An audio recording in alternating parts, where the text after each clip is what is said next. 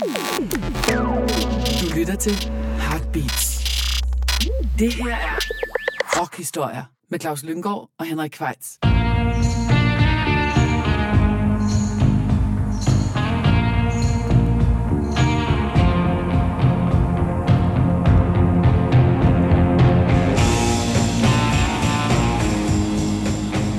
Så er det sørme blevet tid til endnu gang rockhistorier, og dine værter er som altid Claus Lynggaard og undertegnet Henrik Kvejs.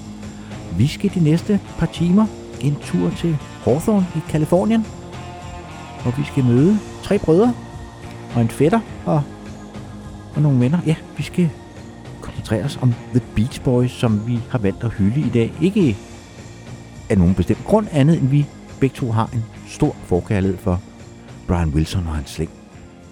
Og vi synes også, at øh, vi med denne her, vi har lavet sådan en afgrænsning, fordi det er jo et band, der faktisk still, still going concern, selvom det måske er så spændende, som det har været. Vi har valgt en afgrænsning, der hedder de første fem år, fra 1961 til 1966, hvor gruppen gennemgår en så eksplosiv udvikling, at faktisk den eneste sammenligning, vi kommer i tanke om, det er The Beatles fra 62 til 66. Ja, fra Love Me Do til Revolver. Ja, og her er det så fra Surfen, singlen Surfen til albumet Pet Sounds. Ja, vi slutter med mesterværket Pet Sounds, for der sker jo, uden skal gå i for mange detaljer, det, at Brian Wilson får et sammenbrud efter ja. Pet Sounds, hvor han arbejder på albumet Smile, som jo først ser dagens lys i Beach Boys udgave i 2011. Ja. Øh, og han laver selv en egen version, der kommer i 2004.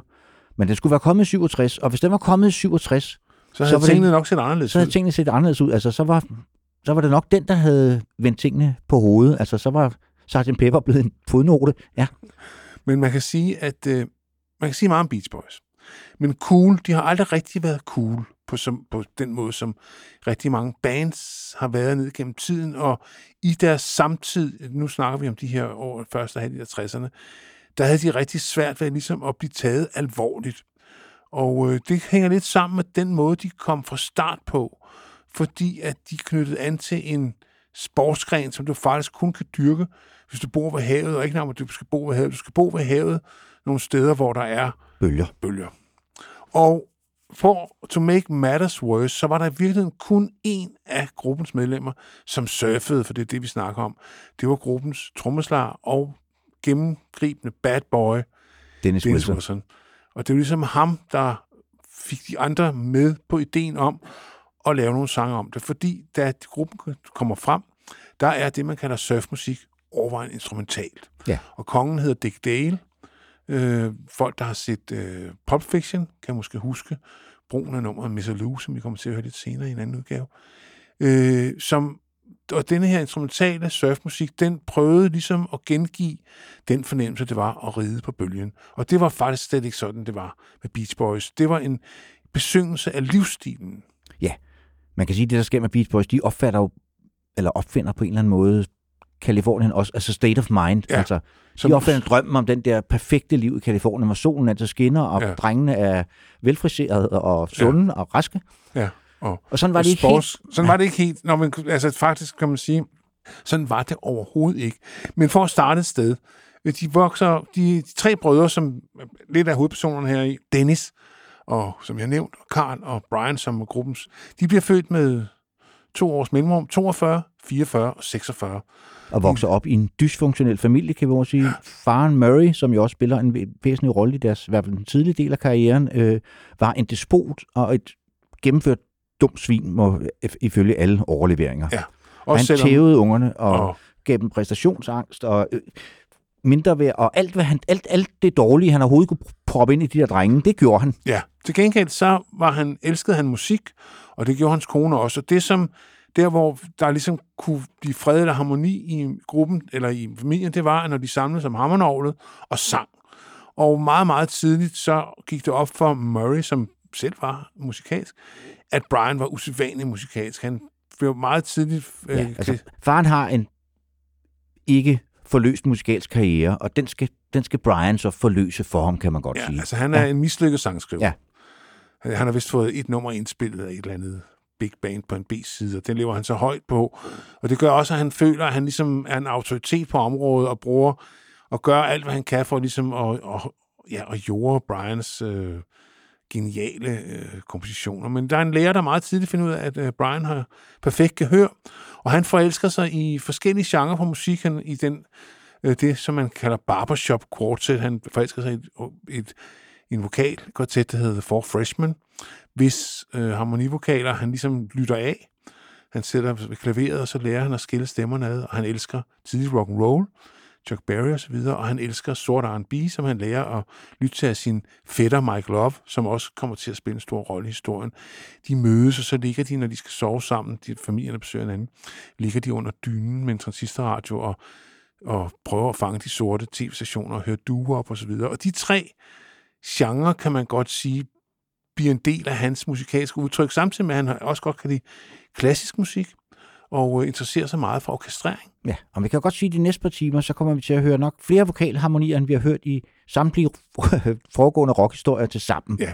Altså fordi de sidder i skabet fra starten. Man kan jo godt høre, det kommer til at høre lige om lidt, at de som altså, musikere er de jo ikke skide gode til at starte med, vel? Altså de er jo også meget unge, da de indspiller det første år. Vi skal lige med Brian, som er den ældste, er 19 år, ikke?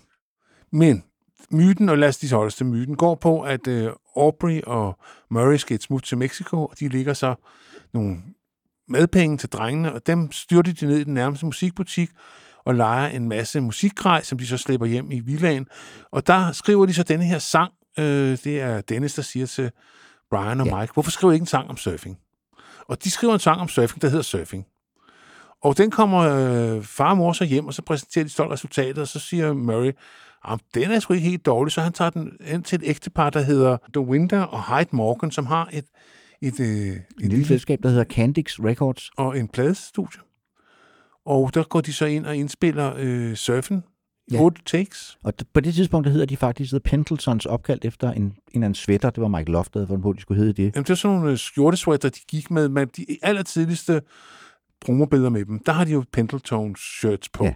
Men det synes Candix Records ikke var noget særligt fedt navn, så de kalder dem så, fordi nummeret hedder Surfing Ting, så kalder vi dem The Beach Boys. Så The Beach Boys finder faktisk først ud af, at de hedder The Beach Boys, da singlen er trygt, og der står Beach Boys på. Og den bliver ret hurtigt ret populær. Altså i lokalkredse når nummer 75 på de amerikanske hitlister, bliver slet ikke udsendt i England. Og så har løbet ligesom kørt, så hedder de Beach Boys. Ja, så må de leve med det. Ja. Og det er jo så, kan man sige, også et navn, som jo giver nogle associationer, som kan være svære at ryste af sig. Det, kan også, det bliver et å for dem hen ad vejen. Men i starten er de jo bare lykkelige over, at de har fået den her plade ud og fået det her hit. Surfing, som kom på Candix. Surfing is the only life, the only way for me now. Surf, surf with me. Bob, dip, dip, dip, bob, dip, dip. I got up this morning, turned on my radio. I was checking out the surfing scene to see if I would go. And when the DJ tells me that the surfing is fine, that's when I know my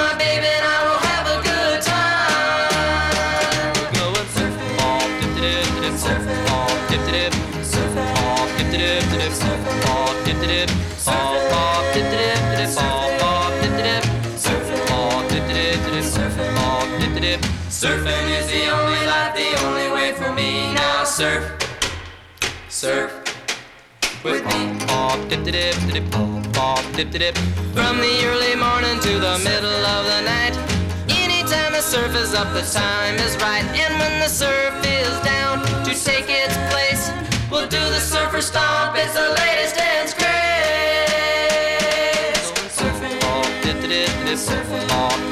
dip,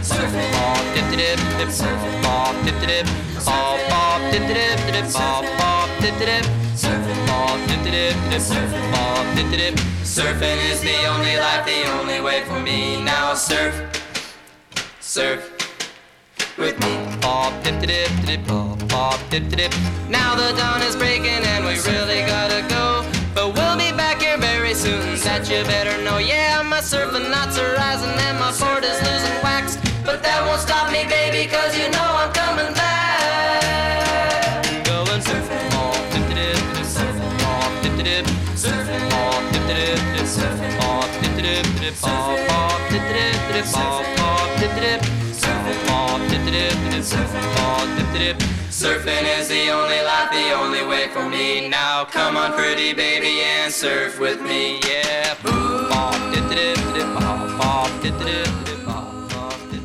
Ja, sådan lød det.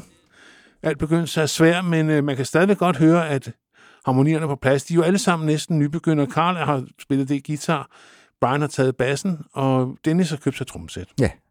Og, og gruppen består, som sagt, af de tre brødre, Brian, Carl og Dennis, og så fætteren Michael Love. Som synger lige vokalen. Yes. Og så er vennen Al Jardine, og så en fyr, der hedder David Mark, som sådan i starten skifter lidt de to, sp- nogle gange den ene med, og nogle gange den anden med, Ja. indtil Al Jardine ligesom overtager, at det bliver ham, der bliver den femte Beach Boy. Men det Max er med de, for de første på LP'er, og er med på billederne osv. osv. Øh, så han- det er ham, der ligesom er det faste medlem til at begynde. Murray er en ihærdig sjæl. Han udnævner sig selv til gruppens manager, og øh, løber samtlige pladeselskaber i Los Angeles på dørene med denne her øh, plade under armen, og så et demobånd, som gruppen indspiller, og øh, får afslag alle vegne. Indtil der er nogen, der siger til ham, prøv at høre, der er en vaks, ung, lydhør producer over på Capitol Records, der hedder Nick Venet, og øh, prøv ham. Og han hører det her demobånd, hvor der er det nummer på, der hedder Surfing Safari, som udvider temaet fra deres debutsingle, og han tænker, ah, der er sgu noget der. Og tegner faktisk en syvårig kontrakt med dem. Det må man sige. Han har troet på dem. Optimisme, Ja. skal jeg love for. Og øh, de øh, smider så Surf and Safari på øh, markedet, og det går faktisk rigtig godt. Den kommer ud der i, i øh, sommeren 62 og når så en 14. plads på de amerikanske hitlister. Og det er nok til, at de bliver sendt i studiet og indspille deres første LP. som også hed Surf and Safari. Og Nick Venet er jo opført som producer på den her plade, men allerede på det her tidspunkt er det jo de facto Brian Wilson, der arrangerer, producerer, skriver, sammen med Mike Love, som skriver teksterne, men basically allerede i den her alder står for det hele. Ja. Og øh, han er allerede, allerede på det her tidspunkt i 63 besat af Phil Spector. Phil Spector, er, Phil Spector har jo sin storhedstid nu her med Ronettes og Crystals og Darlene Love og så videre. De kører parallelløb, og det, det går op for Brian, at han meget hellere vil være bag kulissen. Altså, han har egentlig ikke lyst til at stå i rampelyset. Han har lyst til at være på en spekter. Han vil være mand, der trækker i tråden og så videre. Men det kan ikke rigtig lade sig gøre, fordi han er så udpræget en del af bandet, så han bliver ligesom nødt til at tage del i øh, liveoptræden og så videre, men i virkeligheden vil han meget hellere være producer og begynder også til Capitals store irritation at producere forskellige bands rundt omkring, øh, og blandt andet en- pigegruppe, der hedder The Honeys, allerede i 63, der består af to søstre, Marilyn og Diane Rovell og deres øh, kusine, som han opfatter som sådan en slags kvindelig øh, Pangdang til Beach Boys, ja. men der, hvor han virkelig gør Capital og sin far sur, det er, da han producerer Jan Deans Surf City. Der er så ikke nok med det, men den stryger også op på salgslisternes første plads. Så siger de til ham, nu må du levere varen til Beach Boys. Og det gør han så også. Så ja, lad os høre deres første, kan man sige, nationale hit. Det var Surf and Safari, som kom som single i juni 1962. Let's go surfing now. Everybody's learning how. Come on a safari with me.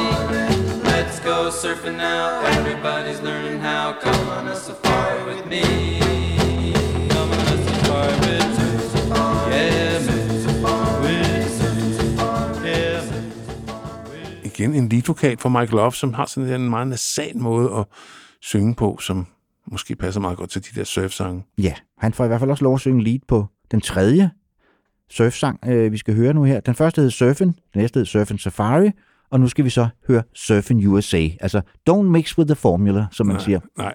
Og, Og den øh, holder de så meget til i starten, og det er jo et nummer, som øh, i starten blev krediteret til at være skrevet af Brian Wilson, men øh, på et tidspunkt så var han nødt til at skrive Chuck Berry ind som medkomponist, fordi det er jo basically Chuck Berry's Sweet Little 16, ja. bare med en anden tekst. Og det betyder også, at han faktisk måtte overgive alle rettigheder, alle rettighederne til sangen, også den nye tekst, ligger hos Chuck Berry, fordi han ikke ligesom viste rettidig omhu. Så den snuppede øh, Chuck Berrys publishing firm, Arc Music, Lock, Stock and Two Smoking Barrels. Ja, men den når ikke desto mindre en tredjeplads på hitlisterne i USA, og den bliver faktisk først udsendt i England i 1965.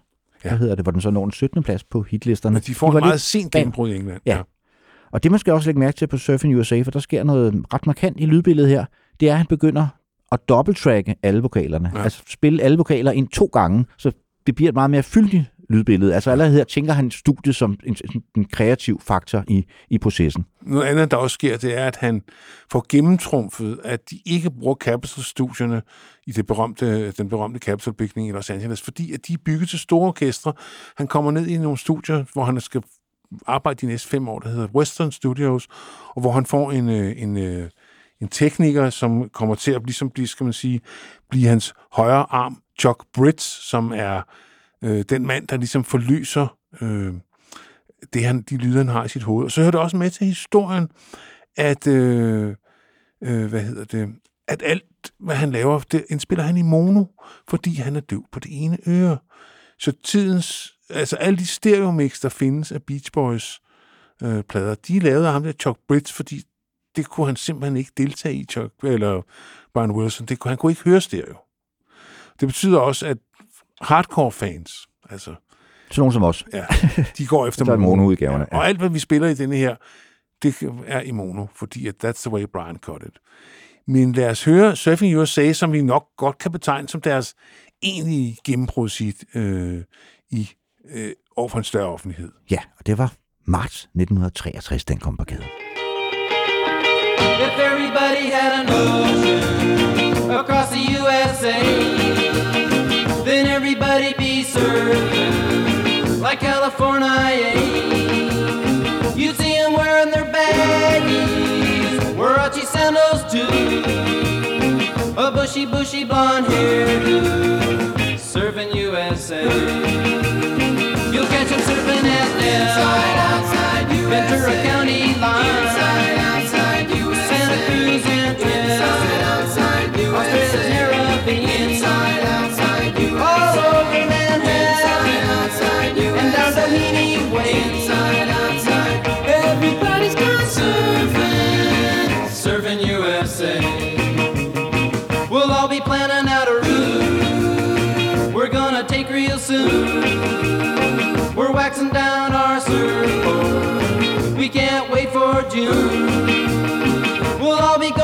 Summer. We're on safari to stay. Tell the teacher we're serving, serving USA. Hangar Keys and Inside, outside, Pacific Palisades. Inside, outside,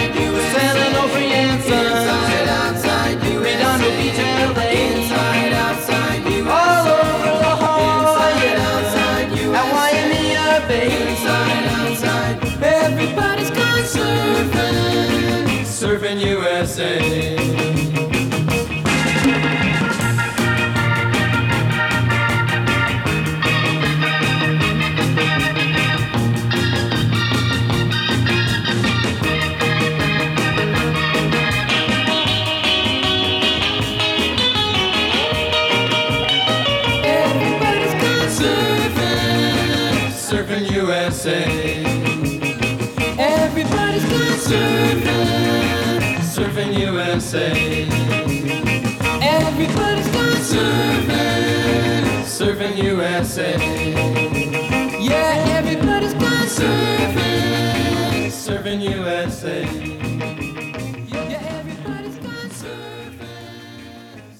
Ja, og der kom selvfølgelig så også et album, der hed Surfing USA, hvorfra vi skal høre et par deep cuts, kan man vel godt sige. De tre første numre, vi har hørt her, er skrevet af Brian Wilson og Mike Love, men nu begynder han at arbejde sammen med en anden tekstforfatter, Gary Usher, som jo senere bliver et stort navn i forbindelse med The Birds. Ja. Og Øh. laver et album under navnet Sagittarius, som sådan en kultplade. Ja. Øh, Så der begynder at komme, øh, for nu har det jo de har været højt humør, og håret tilbage, og brystkassen skudt frem og sådan noget, men der er jo en melankolsk side ved Brian Wilson, som i den grad øh, får lov at folde sig ud senere hen, men den er faktisk allerede at finde på Surfing USA, deres andet album. Der er nemlig et nummer, der hedder Lonely Sea.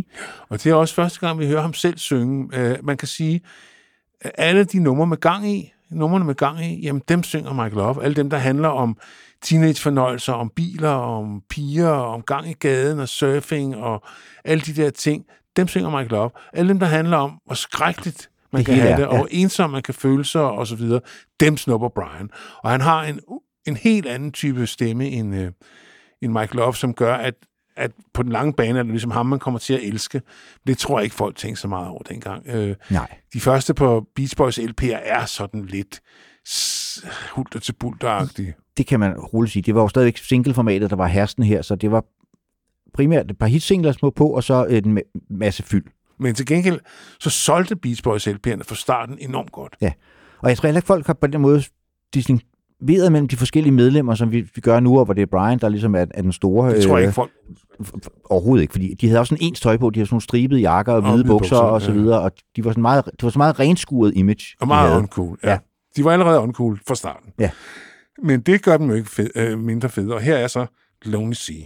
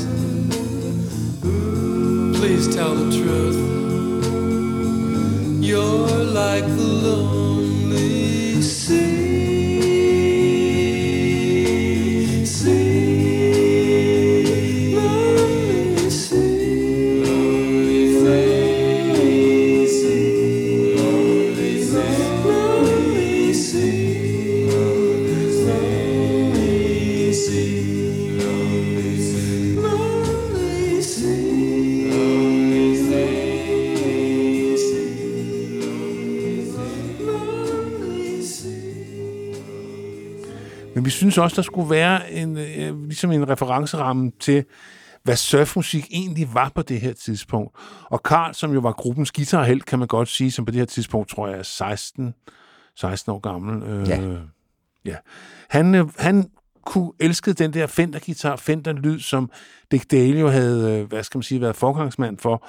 Så de indspiller også et af hans allerberømteste numre, Miss Lou, øh, og det synes jeg lige, man skal have med, at den, for de første mange plader, var der altid lige på instrumentalnummer, hvor Karl ligesom fik lov til at vise, at det kunne han også. Ja, og det er jo et sjovt nummer, fordi det er jo et nummer, som stammer... Øh, det, det oprindelsen fortaber sig lidt, men det er i hvert fald et eller andet sted fra Mellemøsten, Ja. øh, eller hvad hedder det. Libanon tror jeg faktisk, man mener, Ja, det kommer fra. Men den første indspilning, den bliver lavet i Grækenland i 1927, Ja. men den har nok ikke lyttet sådan her. Nej, og, den, og det er jo det der med, at den skal prøve at gengive den der fornemmelse, det er at stå på et surfbræt. Og det gør den faktisk meget. Nu har jeg så aldrig selv stået på et, fordi det er jo ikke lige den vej, vi er gået, Henrik. Nej. Men, øh, så jeg kunne forestille mig Meget kan man sige, men surfet, det har vi ikke det. Det har vi så så meget. heller ikke gjort. Nej. nej, det er rigtigt. Kickboxing og surf. Ja.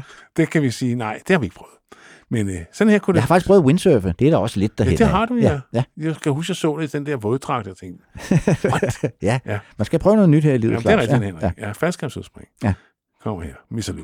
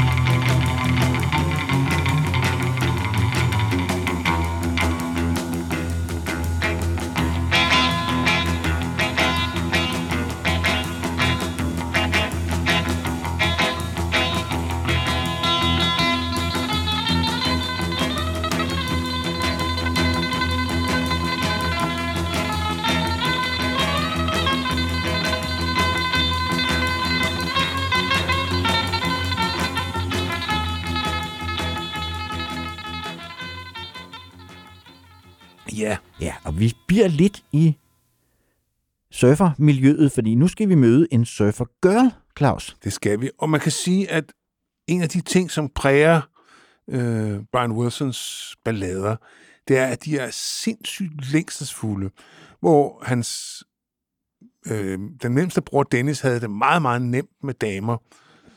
Så var han jo næsten patologisk genert, og han kunne godt lide at kigge på dem og længes efter dem, og han havde også en fast kæreste i den periode, der hed Judy, men han var ikke nogen ladies man. Nej. Og for ham var de sådan lidt uopnåelige. Og nogle af hans smukkeste sange, de er fulde af den der længsel efter de her uopnåelige piger, og det gør, at der er sådan en, en, en tone af sørgmod nedenunder, fordi at selvom han besynger hende, så får han hende nok aldrig Nej. rigtig. Nej. Og det er selvfølgelig også Brian selv, der tager vokalen her, som han jo skal gøre på de fleste lidt triste sange. Den er også øh, interessant i historien, fordi det er første gang, at Brian Wilson bliver krediteret som producer. Ja. Og det er også første gang, øh, at de begynder at benytte sig af studiemusikere, noget han benytter sig siden af rigtig, Rigtig meget. Ikke? Øh, I starten har de spillet det hele selv, men han kan Brian godt høre, at der er nogen derude, der er lidt mere kompetente, ikke? Jo. Ja. Og øh, det er også nu, du har valgt den første gang. Han har senere påstået, at det var den første sang, han skrev. Men dem, der kendte ham, siger, det er altså ikke rigtigt. Han havde skrevet forskellige, men det men det er måske den første gode sang, han havde skrevet, fordi det er også en sang, som, som hardcore fans altid hærer om, at her træder han virkelig i karakter som både sanger og komponist og arrangør, for det er også utroligt smukt arrangeret. Så lad os bare give os hen til drømmen om hende her. Surfer Girl, der nåede 7. pladsen på de amerikanske hitlister, og 13. pladsen i England, men først i 1967, fordi de bliver, som sagt, øh, udsendt med en hel del forsinkelse. I, altså på, tids, på det her tidspunkt, der er Beach Boys et rent amerikansk fænomen. Og australsk. Australien, For der var de også store. de kunne jo også godt lide at surfe, Ja. ja. ikke? Det er faktisk ikke engang løgn. Men det er rigtigt, at englænder, ja, der er ikke sådan meget surf forbundet med England, vel? Nej. kan man godt sige. Øh, men øh, ja, lad os høre den. Surferkøret. Little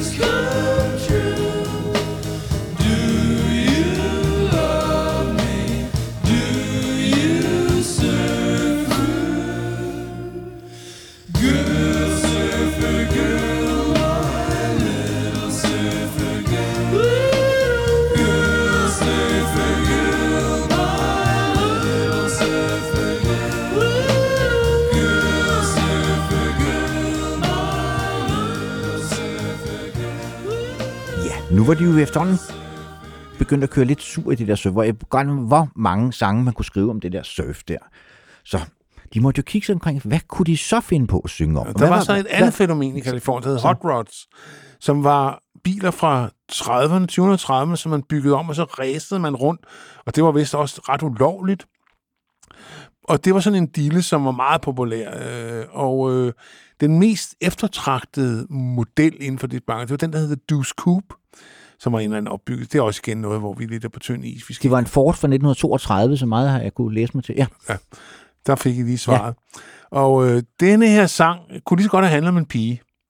Rigtig mange af deres bilsange har sådan noget autoerotisk over, så de bliver simpelthen besunget på en måde, som man er, i popmusikken er vant til, at man besynger det modsatte køn eller kærligheden. Der er simpelthen en, øh, ja, en bilfetishisme uden lige, og de, efter deres surfperiode kommer der også to øh, albums, hvor sangene i høj grad Handler om drejer biler. om biler. Øh, og en af dem hedder faktisk øh, Little Deuce Coupe. Der begynder så også, fordi at de er så vanvittigt produktive, at være lidt gengangere på nogle af pladerne, fordi øh, nummeret Little Deuce Coupe kommer både på albumet Surfer Girl, og så igen på et album, der bærer navnet Little Deuce Coupe. ja man kan jo lige så godt være så god sang, så kunne man jo godt bruge den to gange. Ikke? Og Jo, jo. Capital malkede jo også i den grad maskinen på det her tidspunkt. vildt, Ja, De har udsendt rask væk 3-4 Det var, det, var ikke, det var ikke noget, der blev betragtet som kunst, den her. Nej. Det, det, det, var, det var et produkt, der skulle Det var sælges. produkt, og det skulle bare ud. Øh, og øh, det er så den eneste sådan, ja, bilsang, vi har taget med, øh, selvom der er rigtig mange af dem, og så kan lytterne jo selv gå tilbage og lede, fordi der er mange af dem er også rigtig fine. Ja. Øh, men øh, det her er nok den bedste af dem, synes jeg. Little Du Skulle, hvor Mike Love og Brian Wilson faktisk deler vokalerne. Ja. Det og giver også en dynamik.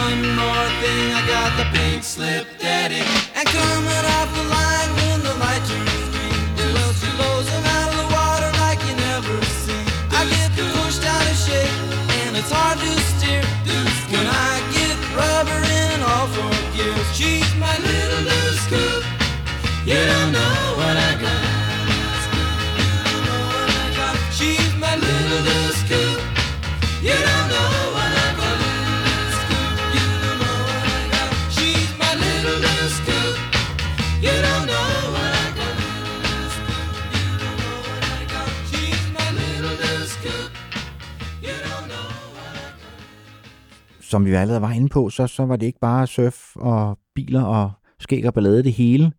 Der var også en trist side, en melankolsk side i Beach Boys katalog, og den skal vi møde her i nummeret In My Room, skrevet af Brian Wilson sammen med førnævnte Gary Usher, og måske hans første mesterværk. Skal vi ikke sige det, Claus? Altså, det er i hvert fald sådan en sang, som stikker dybt, Ja. øh, hvor han virkelig rammer noget. Og jeg tror også, rigtig mange øh, teenager, men som mænd og også voksne mennesker, godt kender den der fornemmelse af, at nu trækker jeg mig sgu tilbage øh, i stillhed på mit værelse, og lige får styr på tingene og tænke dem igennem. Jamen, han har jo sagt, fordi han var jo allerede, altså, de var jo meget populære heroppe, så meget. Det var det eneste sted, han, han følte sig tryg, det var, når han var hjemme på sit værelse. Ja. Og han boede stadig hjemme hos sine forældre på det her tidspunkt, skal vi Ja, lige have med, ikke? Ja. Jo, men er han 21? Ja. ja. Men han, øh, han begynder at slå sig i tøjet, så Ja. vi nok søjne. Og øh, jamen igen, altså, jeg synes godt, at lytterne lige kan læne sig tilbage og også nyde vokalarrangementet her, som jo er, altså det er jo himmelsk. Ja. Det er jo, det er jo så smukt. Så In My Room, og det er selvfølgelig Brian selv, der tager lead vokal.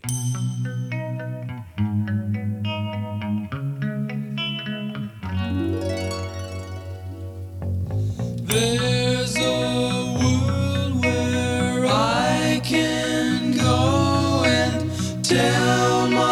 secrets to.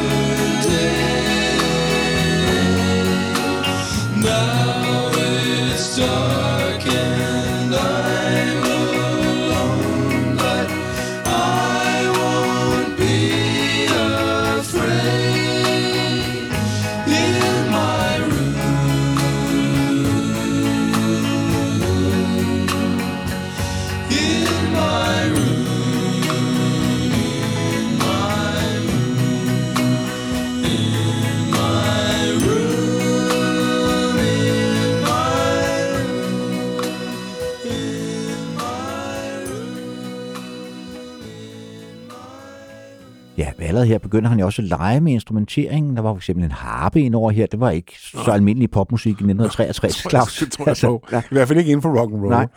Øh, men en ting, som... Øh, altså, der er jo en grund til, at man regner Beach Boys som det ypperligste vokalensemble, som rockmusikken har frembragt. Og det kan man jo i den grad høre på flere af deres plader, er der såkaldte a cappella-numre, altså sange øh, udelukkende foredraget af stemmer, hvor man ligesom kan læne sig tilbage og nyde den måde, de er lagt ud på. Og selvom Brian Ja, det Wilson... har man jo også kunne høre mange gange siden, fordi der er kommet et hav af optagelser med Beach Boys, altså alle mulige boxset og så videre, og der er rigtig mange af dem, har de fjernet vokalsporene, så man bare kan høre, eller fjernet instrumentalsporene, så man bare kan høre vokalerne, og der kan man altså nogle gange, altså, de, hvor himmelsk de synger. Altså, det er mindblowing. ja, ja. Det er mindblowing. Og selvom Brian Wilson var en meget produktiv sangskriver, så engang imellem var de lige ude og låne et nummer, og på albumet øh, Little Do Coop, øh, som vi har nævnt før, der er en hyldest til James Dean, som jo var gået hen og øh, var død i en bilulykke. Det kunne ikke være mere øh, 1950-60-agtigt. Det passer jo helt perfekt til tiden, og han var jo blevet sådan et ungdomsikon, et symbol på, på denne her øh, nye ungdom, som voksede op i efterkrigstiden med penge på lommen og en attitude, kan man godt Ja, tale om. Rebel Without a Cause hed Ja. ja. en af hans ikoniske film, og det, var, det var meget sigende for det hele. Ja. Og, Og det er jo han- så et, et, nummer, som faktisk var indspillet af Four Freshmen, Ja, øh, som var Brians store idoler. The Hearts Were Full of Spring, som de så giver en ny tekst. Øh, A Young Man is Gone. Gone.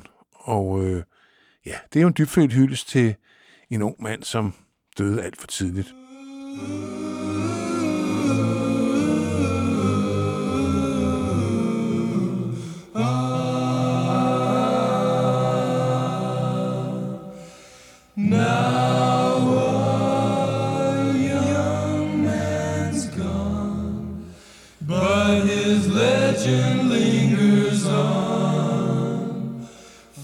so much I need to give.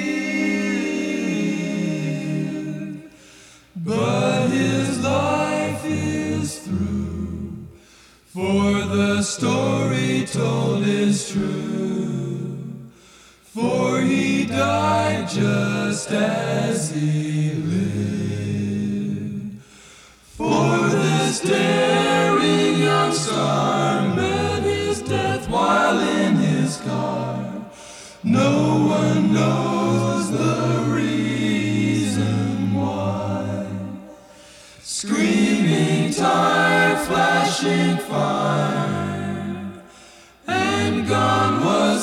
Young star. Oh, how could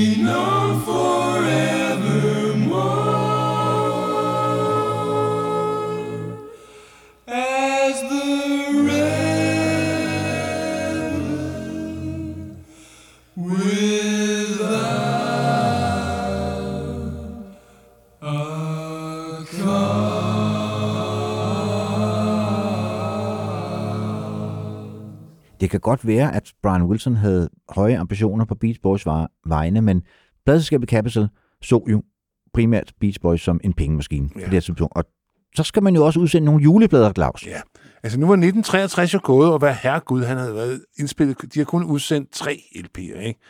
Så nu måtte han lige tage sig sammen, og en, noget til ja. julemarkedet.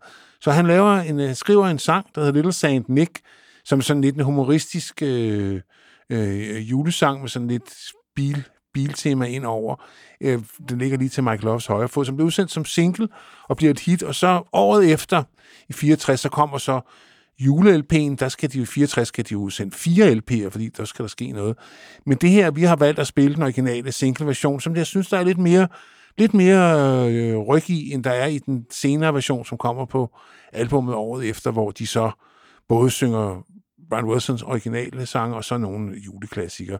Men mange siger, eller mange føler, at det er altså en af de der få, få juleplader, man behøver at have stående. Ja. Øh, og det kan der En af måske de andre er Phil Spector, apropos... Øh, det er jo den, Brian han, det er jo den, han Ja. bliver inspireret af. Ja.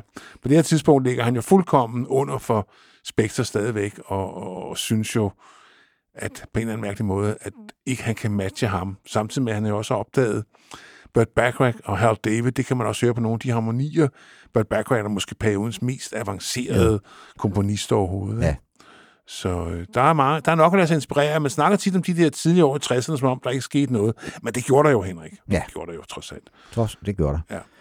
Og Men øh, ja, Ja, lad os høre en julesang. Det, altså, vi kan godt afsløre, at, at mens det her indspillet, så nærmer julen, Julen sig. med, med uhyggeligt raske skridt. Så og hvis man lytter godt efter, så kan man godt høre, at som, det skulle også gå stærkt indimellem her, så det er jo grundlæggende den samme sang som Little Deuce Coupe. det er det. Øh, bare lidt andet tempo og en anden tekst. Ja. Ja, Men altså, når man skal levere tre album som år, så springer man lidt over en gang imellem. ja og et nummer, som dengang blev krediteret til Brian Wilson, men senere i dag er krediteret til Brian Wilson og Mike Love. Fordi ja. Mike Love, han sagsøgte jo Brian Wilson i 1994, og fik ret i 35 sange, blev, blev han pludselig opført som med kommunist på, som man ikke havde været opført som kommunist på, og der, er- og der er rigtig mange, der sætter spørgsmålstegn ved, hvor stort input Mike Love egentlig havde i de her sange. Ja, men han har jo altid haft his eye on the dollar. Ja.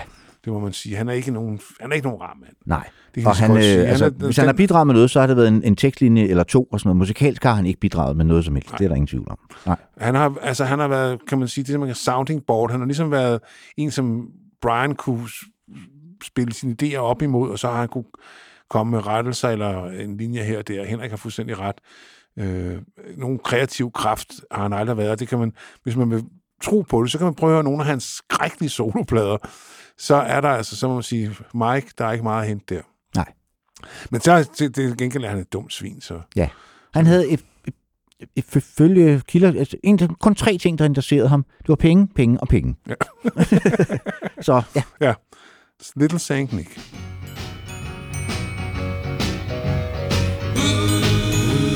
Merry Christmas, Christmas comes this time each year.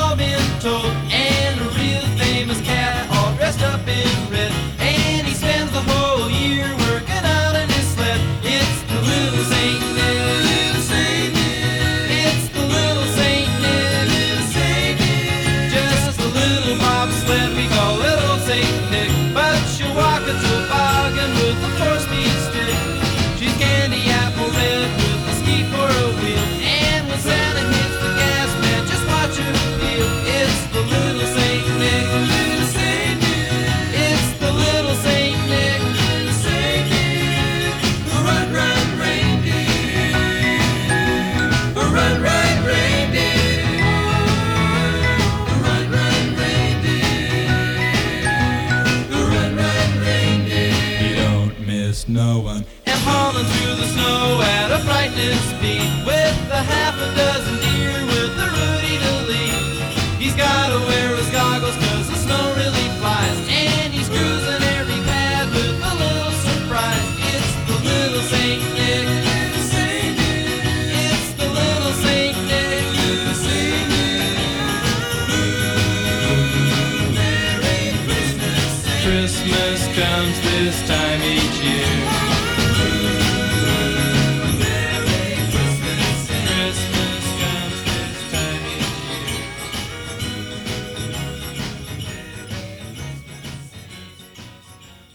Ja, så er det så sådan, at nu opstår den klassiske Beach Boys komposition, øh, kom- kombination, fordi at David Marks forlader bandet i slutningen af 63, og indtræder Al Jardine, der kommer fra folke, han er jo folkemusiknørd, Ja. og han kommer faktisk til at præge bandets repertoire et par gange, øh, øh, kommer nogle forslag til nogle folkesange, som så får The Beach Boys treatment, men som så mange andre er det, han må han jo stadigvæk lægge sig ind under Barn Wilsons på det her tidspunkt indiskutable lederskab af bandet.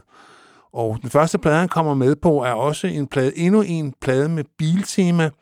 Den hedder sjov nok Shutdown Volume 2, og i mange år spekulerede jeg over, hvorfor den hed Volume 2. Men det var fordi, at Capitol havde udgivet en Shutdown Volume 1, hvor forskellige af deres, fra deres, øh, hvad hedder det, Rooster, havde indspillet Beach Boys sang. Biltema-sangen. Ja. Så det er Beach Boys har ikke lavet to plader, der hedder Shutdown, men de har lavet Shutdown Volume 2, som slet ikke er nogen øh, dårlige plader overhovedet. Øh, den indeholder et par af deres allerbedste ballader, og så holder øh, en sang, som var en af de steder, hvor jeg ligesom fik øjnene op for dem, Henrik, fordi Carpenters of All People lavede en coverversion af Fun, Fun, Fun, og fordi den er indspillet så meget senere, hvor studiet var så organiseret, så kunne man lige høre de der kor, hvor mindblowing avanceret de var.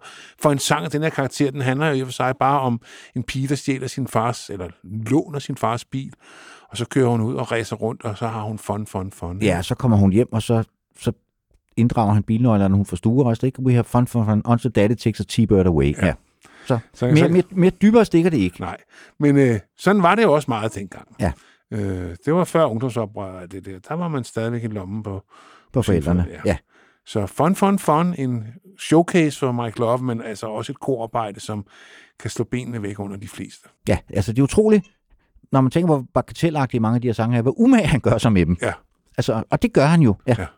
Og det kan man høre. Ja.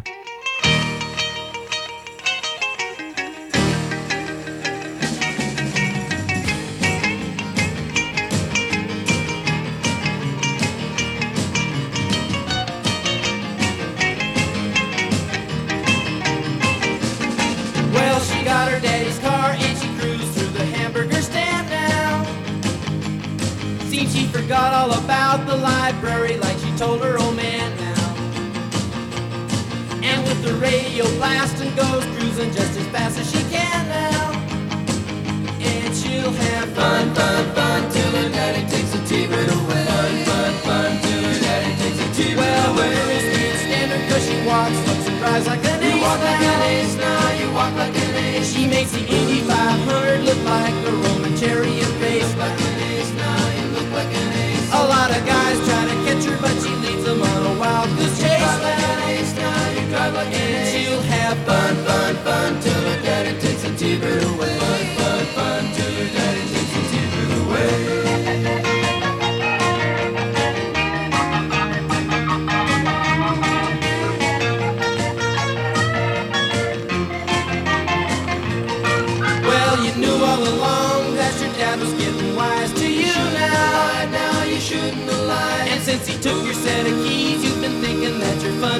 shouldn't have lied. Now you shouldn't have lied. But you can come along with me, cause we got a lot of things to do now. Now you shouldn't And we'll have fun, fun, fun. Now that daddy took the T-bird away. Fun, fun, fun. Now that daddy took the T-bird away. Fun, fun, fun. Now that daddy took the T-bird away. Fun, fun, fun. Now that daddy took the T-bird away.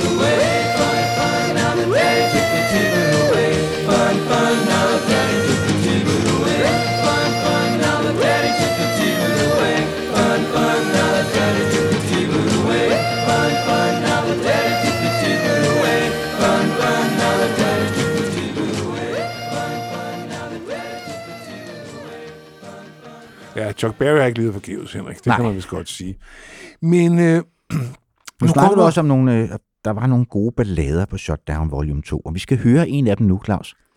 Og det er jo en sang, som øh, øh, handler om, igen, en racerkører, eller et skud og racer, så pigen, hun er enormt nervøs for, om han skal komme til skade under det her. Ja, altså der kommer lidt den der, altså der kommer bagsiden af medaljen ind, fordi der er det der hot rod racing, det er sådan nogle, øh, det er sådan nogle altså, racerløb, hvor man ligesom kører kap, og det, kan- det kan jo godt gå galt. Ja, ja. Øh, hvis man har set American Graffiti, så ved man det. Hvad hedder det? Og det er jo sådan en fyr her, som ligesom har sagt ja til sådan en duel, øh, men får lidt kolde fødder, fordi han, han sgu ikke rigtig lyst til at risikere livet for at køre skide racerløb. Altså. Nej. Nej. Men så siger han så til pigen for ikke at, eller hun siger til ham, Ham, "Don't worry, baby." Everything's gonna be alright. Og det er efter sine, eller ikke efter sine faktisk, det er ført til protokols, Brian Wilsons yndlingsindspilning med The Beach Boys. Det vil sige, at konkurrencen er hård. Ja. Og det, øh, Han leverer også en fremragende vokalpræstation Ja, på det her nummer. ja. Og det var et nummer, som det var meget øh, inspireret af Ronans Be My Baby, og han tilbød jo faktisk det her nummer til Ronettes, men Phil Spector takkede nej. Ja, fordi at Phil Spector ville jo have sin egen navn på sangskrivnings... Øh, Ja. ja. Og, øh, Det var nok, han kunne nok godt høre, at det var en god sang, men altså, han, havde ikke, øh, han havde ikke aktier i den, så, Nej. så de fik ikke lov at indspille Altså, den. første gang, jeg blev opmærksom på den, det var jo Brian Ferris, These Foolish Things, øh, altså, hvor han jo synger den også meget følt. Ja. Øh, og det var sådan med til at, nå, er der noget der? Så man tænkte, hmm, er der noget der? Det var der. Ja. Men don't worry, baby. Det, det gik jo, det vil jeg godt indrømme her, det gik nogle år for Claus Meier, før vi fandt ud af, hvor gode Beach Boys egentlig var. De havde Jamen, de, det var, der image. de var så uncool. Ja.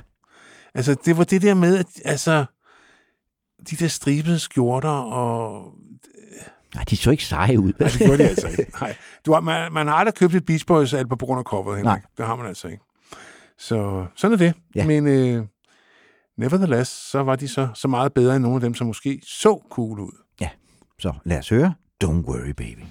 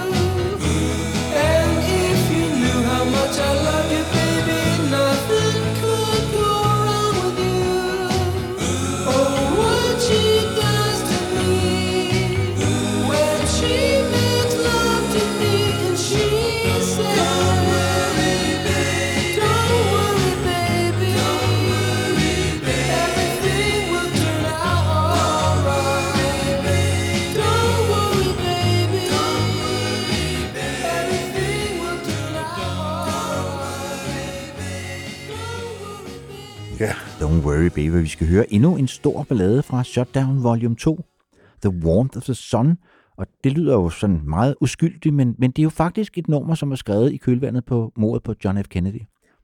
Han blev skudt i Dallas, Texas den 22. november 1963, og det var jo et, et traume, en altså national traume i USA, at øh, miste den her unge, smukke, tilsyneladende progressiv øh, præsident, øh, en snimyrdet på tavligste fasong. Og selvom sangen ikke handler om det, så var det det eneste Mike Love og Brian Wilson kunne finde ud af. Øh, de var så rystet over det, så de gik hjem og skrev den her sang, kan man sige, i skyggen af det her snimor. Øh, og øh, det forklarer måske øh, den melankoli, der hviler over det, og så er der også nogle meget, meget avancerede akkorder, øh, den unge øh, Wilson kaster sig ud i her. Det var ikke sådan popmusik, som man hørte det øh, mest på radioen. Det er så heller ikke, det var heller ikke ud som single, det er det, man, vi kalder et, et, Et deep, deep cut. cut på, Den kom til gengæld til at lægge navn på en et pissegod øh, Beach Boys compilation, som kom for nogle år siden, som er sådan et kunstnerisk kurateret Beach Boys, hvor det ikke er normalt af deres store hits, men, men en, der har sat sig ind i kataloget og så valgt de bedste numre ud. Og hvis man skal starte et sted, så er det faktisk en virkelig god compilation at kaste sig ud i. Ja. Det er godt råd. Ja. Øh, men her er så The Real Thing, øh, The Warmth of the Sun som ja, udkom i det herrens år 1963.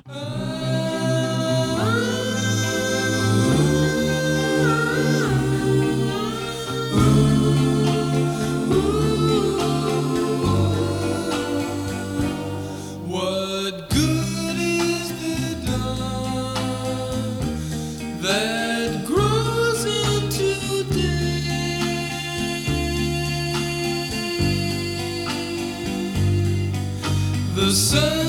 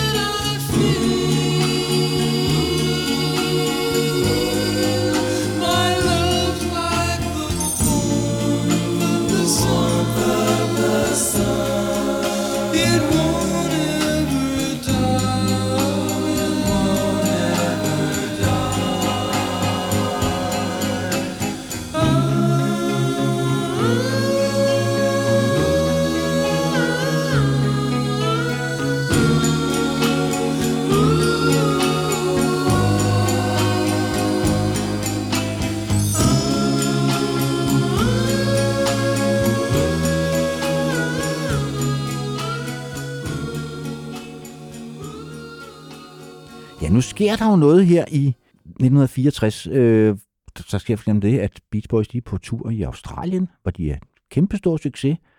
Og så kommer de tilbage til USA. Og så er der sket noget i mellemtiden, Claus. Der er, Der er fire fyre fra Liverpool, som har erobret nationen. Lad os bare sige det sådan. The Beatles får deres gennembrud. De optræder i The Sullivan Show i øh, februar 64 og slår alle seertal, hidtil da set seertal, og forvandler simpelthen musikscenen. Og Brian føler sig helt vanvittigt troet af dem Ja. lige fra starten. Han har, det hører også med til historien, og det er nok også med til at nedbryde ham senere, han, han har et meget, meget veludviklet konkurrencegen. som han har fået nok blevet banket ind af sin Ja. far. Og der sker også Altså, det, nå, at, man kan, det kan godt sige, de er lidt invaliderende, fordi han er meget, meget optaget af den der konkurrence. Hvem er, hvem er bedst, og hvem er bedst? Og, og, hvem, og, og, og for ham er det, hvem ligger nummer et på hitlisterne. Ja. Det kommer han så til, fordi de går i studiet og indspiller en, af, en, en komposition, han har skrevet, der hedder Get Around, og mens de er ved at lave grundsporene, så gør hans far sig helt umulig. Han rakker nummeret ned. Og Brian, som generelt har meget svært ved at håndtere sin kritik, kritik for sin far, han bliver så vred, så han fysisk smider ham ud af studiet og råber efter ham, du er fyret. Så Murray Wilson bliver fyret som gruppens manager. Han bliver sat uden for indflydelse, fordi nu kan han ikke klare mere af den der negative, de, øh, ukonstruktive kritik, hans far kommer med. Nej, og udover at være øh, ukonstruktiv kritikken, så har han jo også fået frarøvet hele øh, sangkataloget fra Brian Wilson. Han har jo simpelthen nærmest truet ham til det, at det, det er det er Murray, som ejer Beach Boys sange som på hedder det. Sea of Tunes. Ja. Ja. ja. Og øh, hvem fik så ret? Ja, I Get Around, som er en af de smukke sange, hvor Mike og Brian deler leadvokalerne. Ja, det blev jo så deres første nummer et øh, sang i... Nej, deres anden, undskyld. Anden nummer et sang i, på de amerikanske hitlister. Og også deres øh, gennembrud, tror jeg, i England, hvor den når en 9. plads. Nej, undskyld. Øh, nummer et i USA, nummer syv i England, sådan er det. Så nu har de i hvert fald taget konkurrencen op med Beatles, så det er til at tage og føle på. Ja, der sker også det, at de begynder efterhånden også at tænke, ikke kun i singler, men i album. Det nummer, som hedder, eller det album, som hedder All Summer Long, som det nummer så havner på, er må- måske det første Beach Boys album, man sådan behøver have. De andre, der kan man altså godt nøjes med en single compilation. Og det var det første, jeg købte. Der var en fyr, da jeg begyndte at interessere mig for dem, så var der en fyr nede på vejen, der hed Morten, som solgte nogle af sine plader, og øh, der købte jeg All Summer Long, og det må jeg sige, det har jeg aldrig fortrudt.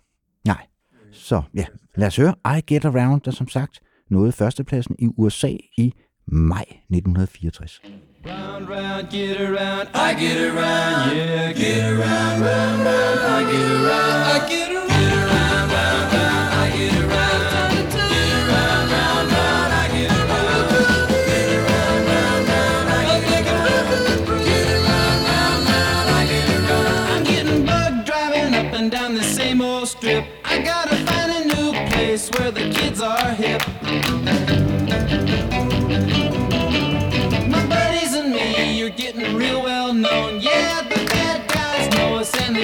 alone. I get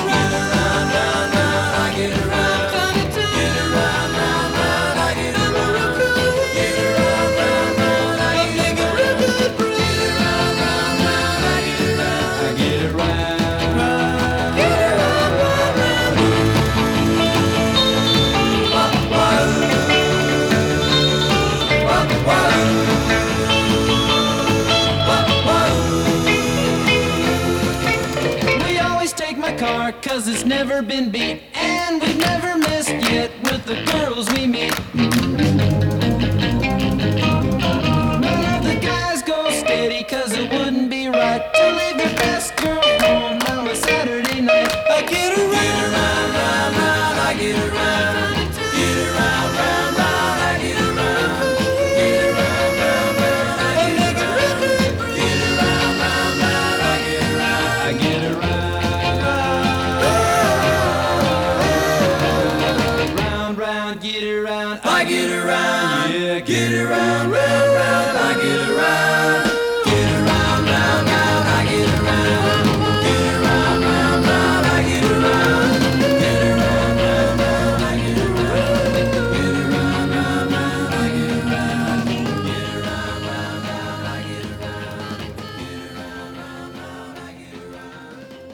vi skal have en af de der ballader igen, hvor Brian længes efter pigerne på stranden og øh, ja, ubnåelige skønheder, som han på en eller anden mærkelig måde ikke kan finde ud af at tale til og Ja. med, men kan synge om, Og- besynge.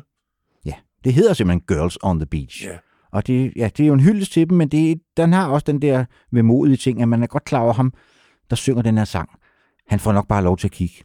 Scorekaj er han ikke. Ja, og så er den øh, interessant, fordi det er Brian og Dennis Wilson, der deler vokalerne her. Ja. Det gjorde de ikke så tit. Nej, Dennis kom jo lang, brødrene kom langsomt på banen, men det tog dem lang tid at få lov til at, at synge leadvokaler.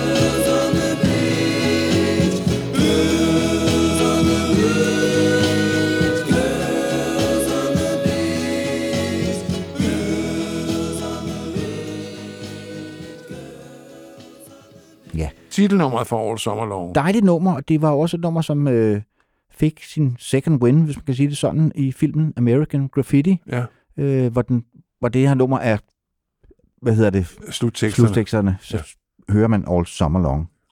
Det var en film, som, som havde ret stor gennemslagskraft, og jo betød ret meget for øh, genomdagelsen af hele den her tidlige amerikanske rock and roll. Altså for mit vedkommende var det et banebrydende album. Ja. Øh, fordi at jeg, jeg havde ikke rigtig haft kontekst øh, med omkring, hvad Durop var. Og jeg lærte en masse af den plade.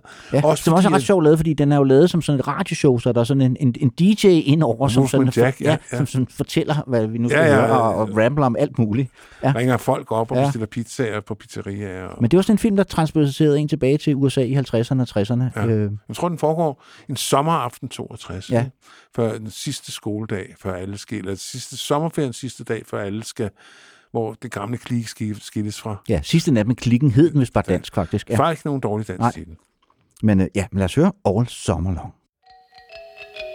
Summer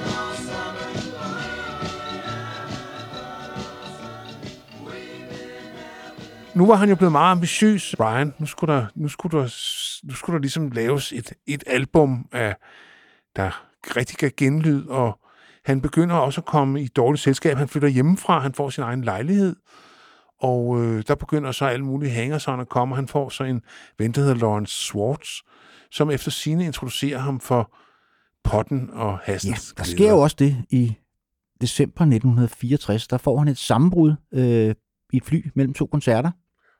Hvad hedder det? Øh, altså får simpelthen et panikanfald. Øh, anfald. og det er simpelthen så voldsomt, at han bliver sendt hjem fra turn- turnéen hjem til mor, som hun passer på ham. Og han får simpelthen lavet den her deal, fordi han kan godt finde at han kan simpelthen ikke, han står jo for det hele. Ja. Og han kan heller ikke være med, og de spiller jo rigtig mange koncerter. Så han får lavet en deal med bandet, at de tager på tur, hvad hedder det, og sørger for den del af promotionarbejdet. Han bliver hjemme, skriver sange og arbejder i studiet. Ja. Og det er en ret god øh, arbejdsfordeling. Glenn Campbell kommer så med som, som i stedet for Brian Wilson på, på turnéen i starten, og så senere så er det Bruce Johnson, som så ender med at blive permanent medlem af bandet. Der sker så også, det er jo før han får det sammenbrud. Han gifter sig, og han gifter sig, altså ifølge nogle kilder, så var der de der to søstre, jeg nævnte før, som var i The, The Honeys, Diane og Marilyn Rowell, og han var efter sine forelsket i Diane. Og derfor gifter han sig med Marilyn. Så han friede til Marilyn, Ja. fordi hun, var den, til- altså, hende kunne han ligesom Hun er mere opnåelig. Ja. Hun er mere opnåelig, og hun siger så ja. Og hende gifter han sig med i starten af december måned, og man mener også, det der panikanfald, han får, øh, angstanfald, han får i, i flyveren der i, i den lille juleaften øh, 64, det er også, fordi han panikker over, at han har giftet sig med den forkerte. Eller, det ved jeg ikke, om han har, men han har i hvert fald ikke giftet sig med hende, som han var vild med. Så der var mange ting, der spillede ind der. Ja, og det hele taget, så, så begynder, hvad, så kan man sige, virkeligheden at, at trænge sig på. Han begynder at blive en voksen mand, og det er så det, han synger om her. When I grew up to be a man. vil han så stadigvæk være åben og cool og med på noderne, og det er jo et godt spørgsmål. When I grow up to be a man, will I dig the same things that turned me kid? Will I look back and say that I wish I hadn't done what I did?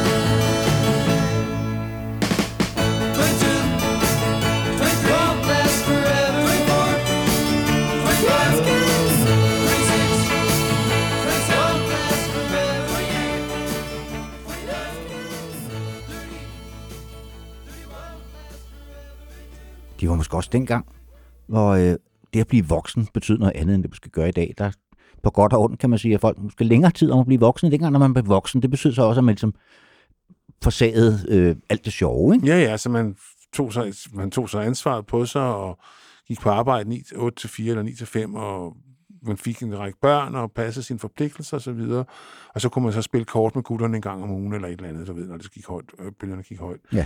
Så det var en helt anden verden, kan man sige, på daværende tidspunkt. Og som jeg var inde på før, så begynder jo hele det, som der senere udvikler sig til ungdomsoprør, at røre på sig på den her tidspunkt. Og Brian begynder at, øh, at eksperimentere lidt med stoffer og, og så videre og så videre. Og øh, hans sange ændrer også karakter, især den plade, der hedder Today, som kommer i 65. Det er, ja, det er også der, hvor man begynder at tænke albummet for alvor som format, og. Beatles ja. også begynder at gøre det, og så videre. Og det er måske nok også det første sådan fuldstændig helstøbte Beach Boys album. Det er et svært, du plejer at sige, Henrik. Det bør nok stå, Stå i et hvert hjem med respekt for sig selv. Og det er især side to, der er ligesom sådan en svite af sange, der handler om øh, at på en eller anden mærkelig måde at både bevare sin uskyld, men altså også komme et skridt videre ud af... Der er jo ikke meget surf og hot rod over den gruppen mere, kan man sige, øh, i denne her fase. Nej, der er også hele 25 studiemusikere indskrevet på Beach Boys Today. Altså, han har store ambitioner nu, og som sagt siger du, han har også begyndt at ryge pot i store mængder, og det får ham også til at høre musikken på en anden måde. Ja, det gør det jo. Og øh, øh, nu snakker om de der 25 mus- musikere. Det er jo så det der berømte Wrecking Crew, som han jo deler med rigtig mange andre i... Øh, Blandt andet hans store idol, Phil Spector. Ja. Ja. som er sådan en øh, pool af musikere, sådan en, en pulje, hvor man kan øh, jeg skal, man skal have den og den type jazz bass, eller man skal have en speciel måde at spille guitar på, eller han kan spille klaver sådan og sådan. Så indkalder man dem og sætter dem sammen efter for godt befinde, og det er jo noget, han er rigtig, rigtig god til. Vi skal høre et, et eksempel derpå øh, her med nummeret She Knows Me Too Well. Øh, igen en af de sange, han, han selv synger, øh, hvor at der er allerede meget langt til Surfing USA. Det er der. Han har jo også selv sagt om det her nummer, det var meget stærkt inspireret af Burt Bacharach. Og det kan man faktisk godt høre. Øh, ja, så lad mig, she knows me too well, det vil sige, hun har gennemskuet ham. Ja, det har hun. Sometimes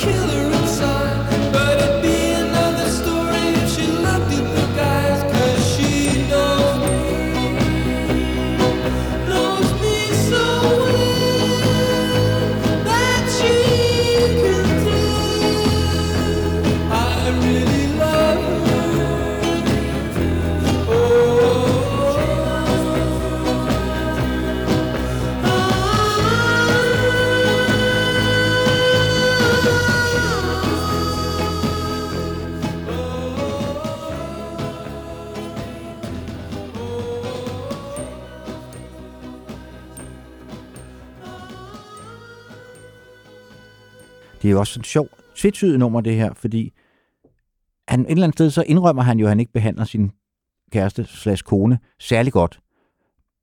Men til sidst, så ender med, hun elsker ham jo alligevel. Ja. Så øh, hun må håbe, at har tilgivet ham. Ja, men hun smider ham jo også ud på et tidspunkt. Ja. Men hun får nok af ham. Hun får især nok af hans, hans venner. Øh, men man skulle tro måske, at, øh, at det der med potten var nok. Men han tager jo så LSD for første gang der i starten af 65, og vender jo så tilbage til Marilyn efter at have trippet hende natten og siger, nu har han altså så set Gud. Og det ved jeg ikke om altid er lige godt øh, at gøre. Men i hvert fald blæser det låget af ham, men samtidig så åbner det så også op for hans angst, hans paranoia. Han begynder at ændre karakter i denne her periode, øh, og der har han så også en meget sådan voldsom tiltrækningskraft på sådan en lang række parasitter, der ikke har ret meget andet at byde på end dårlig indflydelse. De, de Han, kø- der kommer masse hangers round i det der studie på mange, meget samme måde som, som Memphis Mafia, altså Elvis slæng, ikke? Altså Jo. folk, som bare, ja, bare, bare skal suge øh, noget ud af at være sammen med en eller anden kendis. det, som Øh, Lars Hug kalder aurknupper. Ja. ja. Og øh, det kan der være noget om. Men den første sang, han skriver under påvirkning af pot, øh, følger ham selv, det er et nummer, der hedder Please Let Me Wonder. Øh, en af de, øh, en, igen en, en, en vokal, han deler med Mike, og jeg synes faktisk, de to, der kan være lidt Lennon McCartney over den måde, deres stemmer blinder på. Fordi der kommer også den der tredje stemme, Ja. altså, øh, som der gør, når John og Paul synger meget tæt, så er der ligesom en tredje stemme. Og den er også her, synes jeg, på Please Let Me Wonder, igen en af de meget, meget smukke sange på den suite, der udgør side 2 på. Beach Boys Today, Det, ja. ja. Og røg også ud på single B-side. Ja. Øh, men ja, lad os høre. Please let me wonder.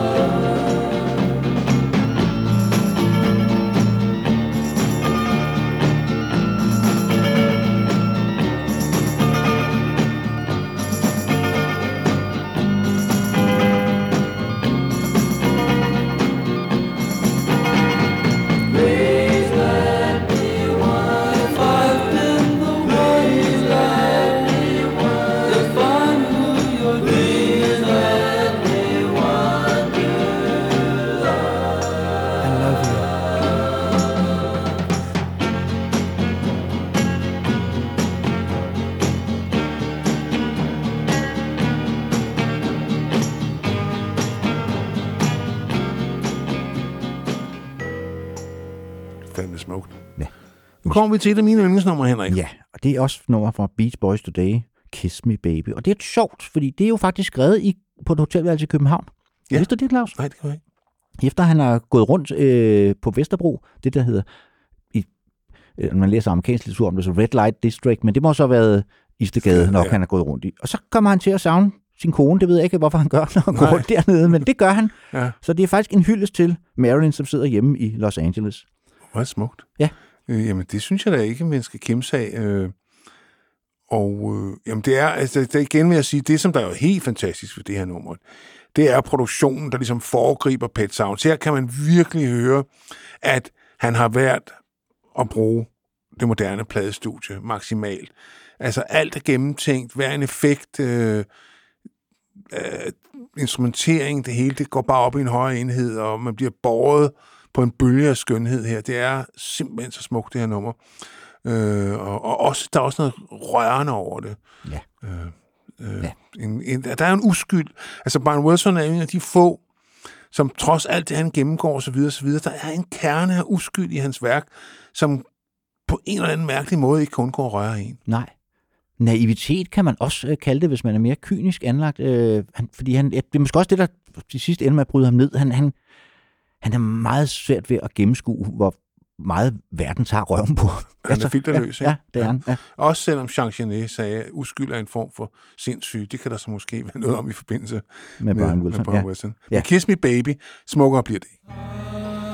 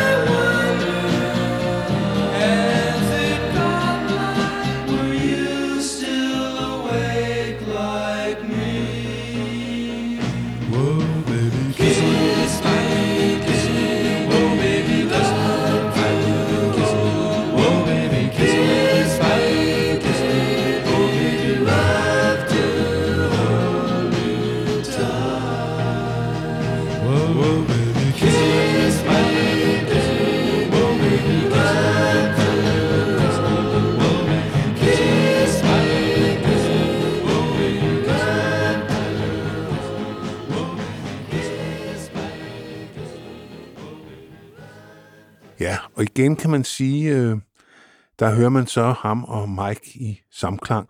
Men pladeselskabet synes sgu, den var lidt fesen, den der Today. Altså, Brian for fanden, er det ikke lige lovligt indadvendt? Kan du ikke komme med et rigtigt hit? Og der var et nummer der på, der hed Help Me Rhonda, som havde noget af det, der skulle til, men han var ikke tilfreds med produktionen. Nej. Så han laver det en gang til. Og for en gang skyld, så er det Al Jardine, der får leadvokalen. Han er nok den mest en karakterløse sanger i bandet, men på en eller anden mærkelig måde, så er det godt hørt. Fordi efter alle disse år, så kunne man, stadig, kunne man ikke rigtig forestille sig andre end ham synge den her leadvokal. Nej, det bliver også et af deres største hit, når også førstepladsen i USA, Help Me Rhonda. Og Der er, så, der er så sat et H ind i Rhonda. Det er der ikke i den version, der er på, øh, Nej. på Today. Så der kan man kende forskel på dem Og på det den skal måde. man. Ja, ja. det skal man. Og så er det ret sjovt, så havner det jo også på albummet Summer Days and Summer Nights. Ja, så man Hvor for... Al Sardine, som du så synger det store hit på den plade, er ikke med på coveret. Nej, fordi Der er, han... de er kun fire på den der sejlbåd, øh, hvor der er billeder udenpå, for han var syg den dag. Og så laver Og man... det, og det siger jo også noget, hvor- hvordan de bliver betragtet af pladeselskabet. Man kunne ikke forestille sig, at Beatles udsendte en plade, hvor Ringo- Ringo ikke var med, fordi han var syg den dag. Nej. Altså, Nej. Og det sjove var, at Bruce Johnson var faktisk til stede. Øh, der er nogle outtakes af de der fotosessioner, hvor han er der, men nej. Ja. Nej, han var heller ikke rigtig Beach Boy nu. Nu. Så nej, det er rigtigt. Og det står der så, det er meget sjovt. så der var ikke nogen, der stussede over, når nu er de Nej. kunne jo kun fire. Nej, og så nej. der. fordi de var, de var på meget måde anonyme på det her tidspunkt. Ja, altså så på bagsiden, så har de jo så hver en, øh, der er så et billede hver, hvor der er sådan en lille tekst, og der undskylder Al Jardine i sin tekst, at han var syg den dag. Ja. Altså, det var hans fejl. Men man Ikke? kunne måske nok bare have ventet et par dage med at tage det her cover shot, ikke? Fuck no, ja. pladen skal ud i butikkerne. Øh, Summer Days and Summer Nights, som er den sidste bevidste forsøg på at skrive sig ind i den kaliforniske livsstil. Altså, hvor de ligesom vender, der er en sang, der hedder Amusement Parks USA. Altså, ja, okay, en sang om, om amerikanske forlystelsesparker. Ja. Den må være essentiel at have med i kataloget. Men ikke desto mindre faktisk en all LP, vi kommer tilbage til nogle af dens... Øh, Såkaldte deep cuts, ja. Ja. Men lad os høre hittet, det helt store hit derfra, Help Me Rhonda. Well,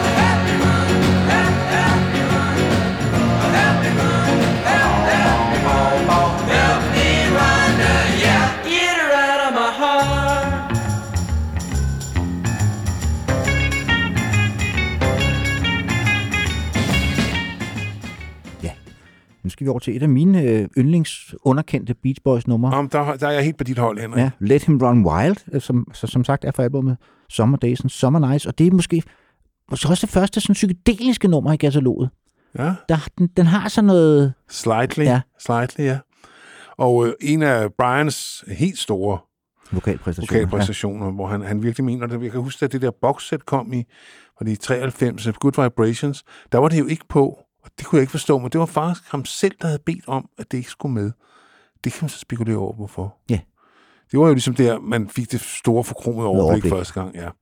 Men det er en anden historie. Nu, øh, Det var et af de første CD-bokset, der Ja. kom, altså hvor man jo også fik et, et forsøg på at, at, at lave Smile for første gang. Øh, ja, man fik sådan 20 minutters musik derfra, som virkelig blev hørt meget de Ja. år der. Og, det var, og, og der var sådan en stor buklet med og sådan noget. Der, var, der kom sådan tre meget essentielle bokssæt lige præcis i de der år. Der kom Beach Boys, der kom et Birds, som også ligesom satte dem ind i en kontekst på en måde, man ikke rigtig havde før før, og så Velvet Undergrounds Ja. øh, Peel Slowly and See. Og det var sådan tre, altså det var sådan nogle altså åbenbarende bokssæt, hvor bokssæt i dag efterhånden, fordi de åbenbarende er ligesom udstedt, så nu er det, nu er det altså, nu får man så fire CD'er med outtakes og sådan Ja, noget. ikke? ja, altså, jo, det jo. har man måske ikke altid Ej, helt det- brug for, vel? Det er, entusiasmen har lagt sig lidt. Ja. Men, øh, Men dengang var der stadig marked, der, fordi der var en masse ting, man ikke havde hørt. Ja, ja.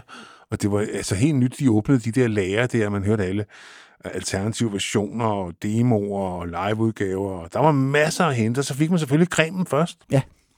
Altså, det jo klart.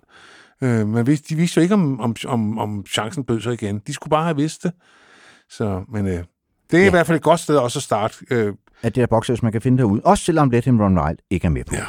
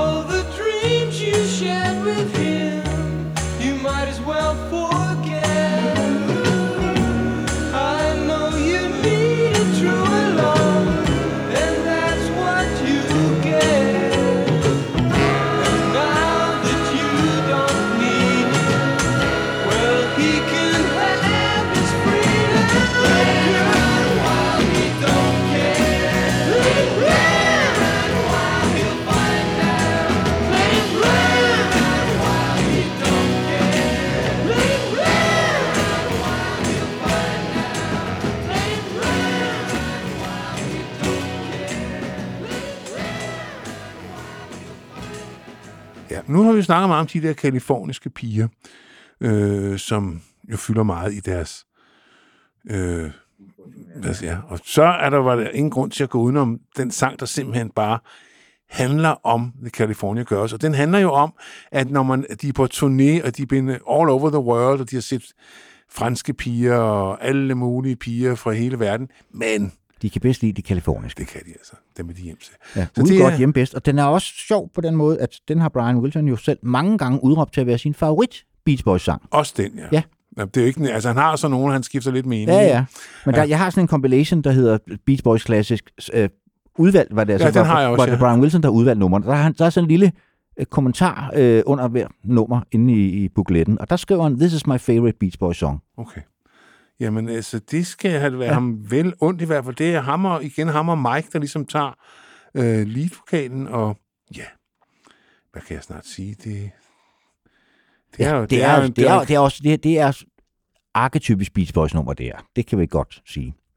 California Girls.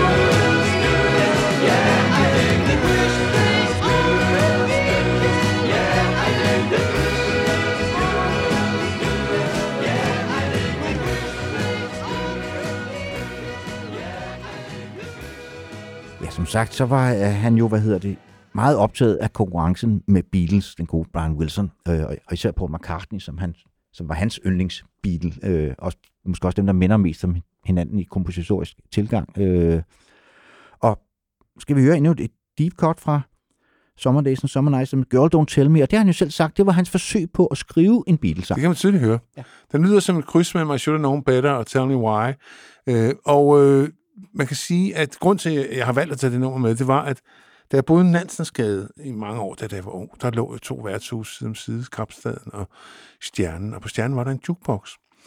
Og det var sådan, der var rimelig meget Bjarne Liller på den jukebox, hvis du forstår, hvad jeg mener. Men Det- der var Det var der på værtshus dengang. Ja. så var der Beach Boys, Barbara Ann, og B-siden af Barbara Ann, det var Girl Don't Tell Me. Og nogle gange, når jeg så slæbte mig hjem fra byen, og de skulle have en sidste øl for at være sikker på, at jeg ville svine, når jeg Når du nåede op hjem, i ja. lejligheden, så satte jeg mig ned, og så satte jeg den på. Og så sad jeg og hørte det nummer der, fordi at jeg var aldrig den store Barbara Ann-fan, men det her, og så var det jo så Carl Wilsons, det vidste jeg ikke dengang. Men det Nej, er Carl Wilsons også, øh, leadvokal, ja, ja. ja. Og øh, at de ventede så mange år med at bruge ham, det forstår jeg ikke, fordi han synger simpelthen så fedt. Så altså, Ja, men de havde jo ret, nogle ret gode vokalister i det band. Ja, altså, ja, det var sådan lidt, det var rigtigt. Som, Men øh, øh, ja, lad os høre Brian Wilsons forsøg på, et ret godt forsøg på at skrive en Beatles-sang. Ja. ja. Girl, don't tell me. Hi, little girl, it's me. Don't you know who I am? I met you last summer when I came up to stay with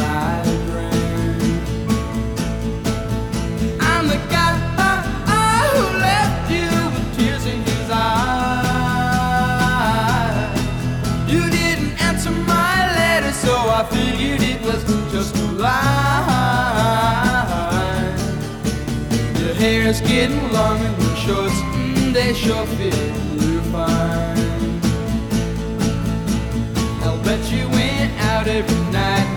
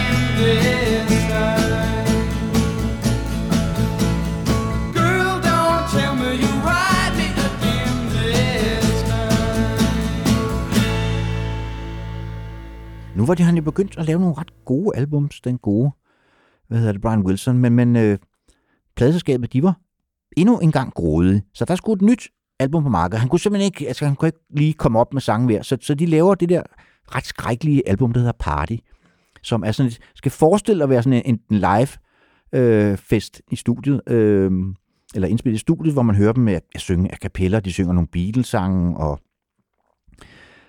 Bob Dylan cover er der vist også på. ja, og, The øh, Times Are Changing.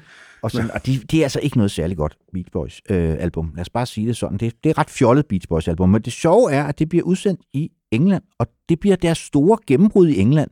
Det bliver, hvad hedder det, albumet Party, og singlen derfra, Barbara Ann, som også er en, som vi springer over her, fordi det er en ret dårlig Beach Boys single, hvis du Ja, spørger mig. det er i hvert fald irriterende. Ja. Altså, den er sjov nok, altså det er hyggeligt nok, men det er jo ikke noget... Altså, men der sker også det på det her tidspunkt i slutningen af 65, at han køber det berømte hus i Beverly Hills, 1448 Laurel Way, hvor, øh, som senere skal hen og sådan en helt myte, hvor han får sat lavet en sandkasse i stuen og alt det der. Han finder det sted, kan man sige, hvor... Der er også et meditationstelt inde i stuen. Øh, ja, der, der, der, Altså et sted, hvor der er plads til rigtig mange kraniebrud, så at sige. Ja. ja. Hvor alting går galt. Men øh, i starten er han meget inspireret over at få den, at der skulle være en helt fantastisk udsigt ud over Los Angeles videre. Han skriver en sang, som han selv synes på daværende tidspunkt er den bedste, han nogensinde har skrevet. The Little Girl I Once Knew. Et tema, han skal vende tilbage til igen og igen. At de der piger, unge piger, ligesom forvandler sig til sådan lidt forbitrede kvinder hen ad vejen. Ja, eller så bliver de bare voksne, og det har han svært ved at håndtere. Det har han han, han, altså, han, han længes tilbage til dengang, de stadigvæk var 16 år, og Ja. unge og uskyldige, og måske nemmere at manipulere med osv. Ja, jeg tror ikke, han jeg tror, det har været ham, der er blevet manipuleret. Ja. Men øh, det er en plade, som der er nogle huller i. Altså, hvor musikken stopper fuldstændig. Ja, Og der er simpelthen stillhed, og det gjorde, at den ikke blev spillet særlig meget i radioen, fordi der måtte ikke være dead air. Nej. Altså, om det så bare, om, om, selv ikke hvis det var meningen, at der skulle Nej, være nej. dead air. Ja. Og det er jo faktisk utroligt frækt gjort, Ja. øh, og det fungerer rigtig godt, men det var altså med til, at, at pladen ikke rigtig nåede så højt på hitlisterne. Det var den første, der ikke kom på top 20 i, ja, siden et eller andet øh, Kong Volmers tid. Så det var noget, som pladselskabet sådan sagde, ah, Brian, fordi de var stadigvæk øh, på nakken af ham med at levere i surbrud. Og på det her tidspunkt sker der så også det, at øh, gruppen øh, hyrer en ny presseagent, Beatles gamle Derek Taylor, og han lancerer en, en, en, en promokampagne, som skal komme til at forfølge Brian, Ja hvor, han, hvor overskriften er, Brian Wilson is a genius. Og det Og, og så, fordi det mener han, at det er. Og det, men, og det er jo så også det, at han begynder at for alvor få for credit.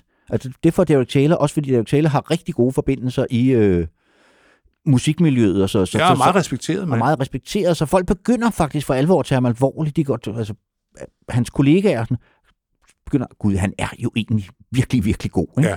Paul McCartney har allerede opdaget det på Ja, det her ja. tidspunkt. Ja. Øh, her er en single, som af uforklarlige årsager ikke blev nummer et verden over. We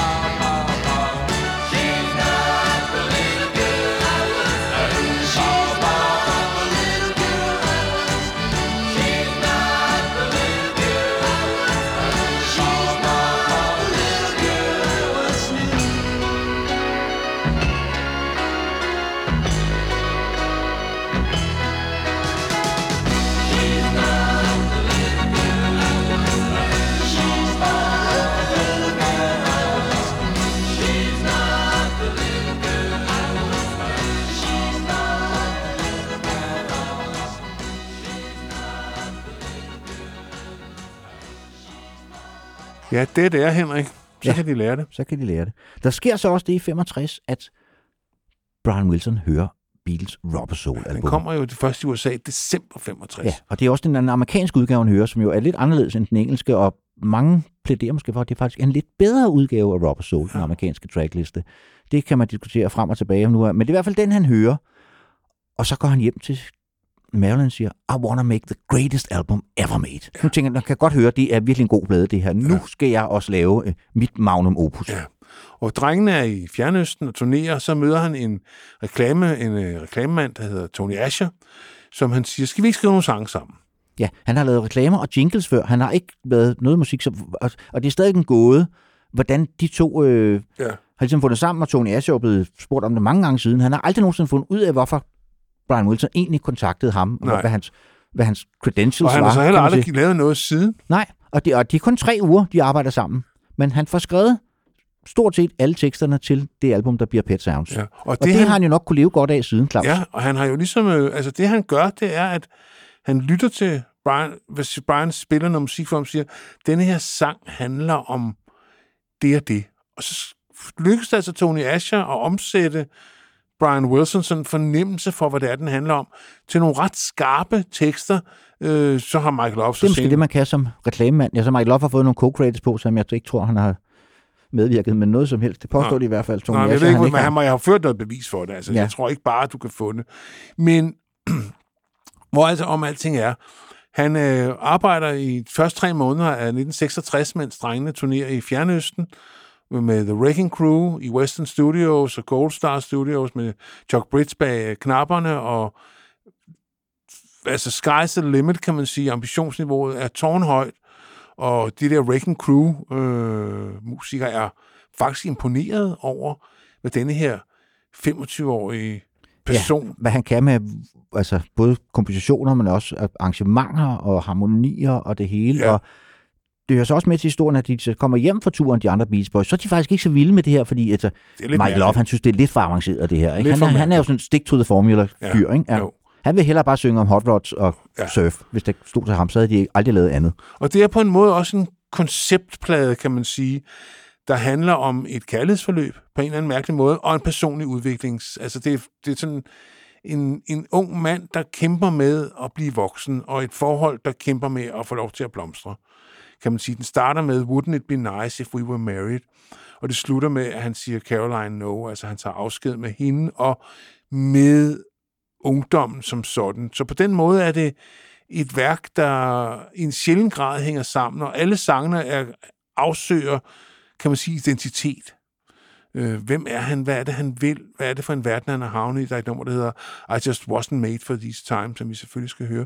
Men jeg synes, vi skal lægge ud med den første Og det er også single. med Pet Sounds er jo i dag blevet altså, Kanoniseret. kanoniseret som altså, i hovedrøv. Men det skal man altså ikke lade sig nej af, for det er også en rigtig, rigtig, rigtig god plade. Ja. Altså en fantastisk plade. Lad os bare sige det sådan. Og Paul McCartney har også, altså nu sagde vi, at den her var en reaktion på øh, Robert Soul. Sgt. Pepper er jo så en reaktion på Pet Sounds, Ja. har Paul McCartney udtalt. At de, Ja. Da de hørte Pet Sounds, så okay, vi må også lige øh, steppe op et gear, ikke? Jo. Ja. ja. Og det kan man jo godt forstå. Ja. Øh, nej, det var Revolver, Henrik. Ja. Den, øh, undskyld. Det var Revolver, den, fordi så skal han så overgå Revolver, og så er så, der overhælder de om indhold med Sgt. Peppers. Men ja, Men Revolver er også rimelig svær at overgå. Men øh, første singlen, eller den eneste single, der mærkeligt nok, eller den single, der kom som The Beach Boys fra den, det var Wouldn't It Be Nice, som burde igen have taget verden med storm. Men jeg tror, den når en 10. plads. 8. plads i USA. Ja. Det er jo også meget pænt, synes Ja. jeg. Øh, og øh, jamen, det er bare større. Det bliver ikke meget større. Nej, så lad os høre. Wouldn't it be nice?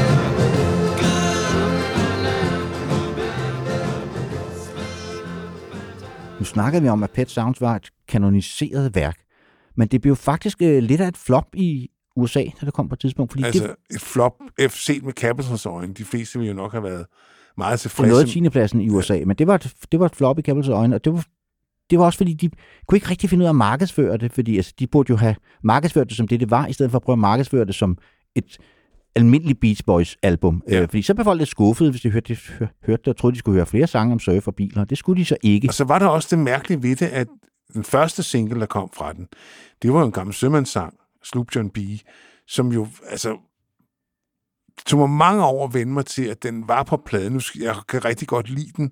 De gør det super godt, og det er, der er godt drive i den, Ja, og så videre. men den passer ikke rigtig den har konceptet. intet at gøre Nej. på pladen overhovedet. Øh, og øh, den tror jeg også kunne have været virket desorienterende for folk, hvis de tænkte, om så har de nok lavet en plade med sømandsangen.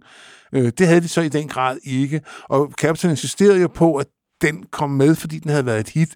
Så den ligger der sidst på side 1 og bryder ligesom det flow, som jeg tror, øh, øh, Brian Wilson havde forestillet Ja, sig. til gengæld blev den et kæmpe hit i England, hvor den nåede andenpladsen af hitlisterne, hvor de også blev markedsført på en helt anden måde.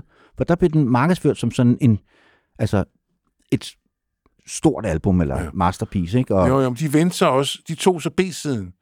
Wouldn't it be nice? Det var God Only Knows, som så blev noget den førstepladsen. Øh, så, men amerikanerne turde ikke det der med Gud i titlen, det turde man ikke rigtig i 66 øh, binde an med, så Nej, men nu skal vi høre et ret typisk nummer fra Ja. Pet Sounds, nemlig, du, var inde, du nævnte det lige før, I Just Wasn't Made for These Times. Ja. Og det er måske nok sådan, Brian Wilson egentlig havde det. ja. Og det er der jo mange af os, der godt kan skrive under på, at så kan man jo godt få det en gang imellem, ikke? Jo, og så er det vist også første gang i populærmusikkens historie, at vi støder på terminen. Det siger også noget om, hvor avanceret han arbejdede ja. på det her tidspunkt. Mest, dengang mest kendt fra gyserfilm Ja. og filmmusik i det taget. I just wasn't made for these times. Keep looking for a place to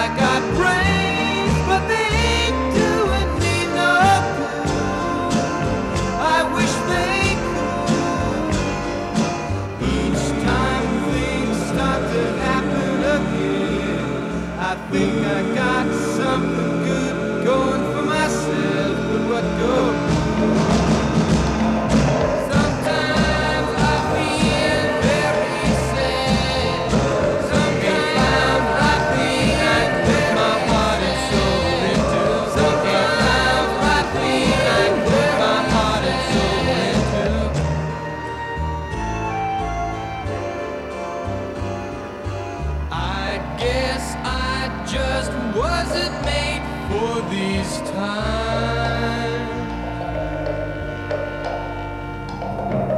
Every time I get the inspiration to go change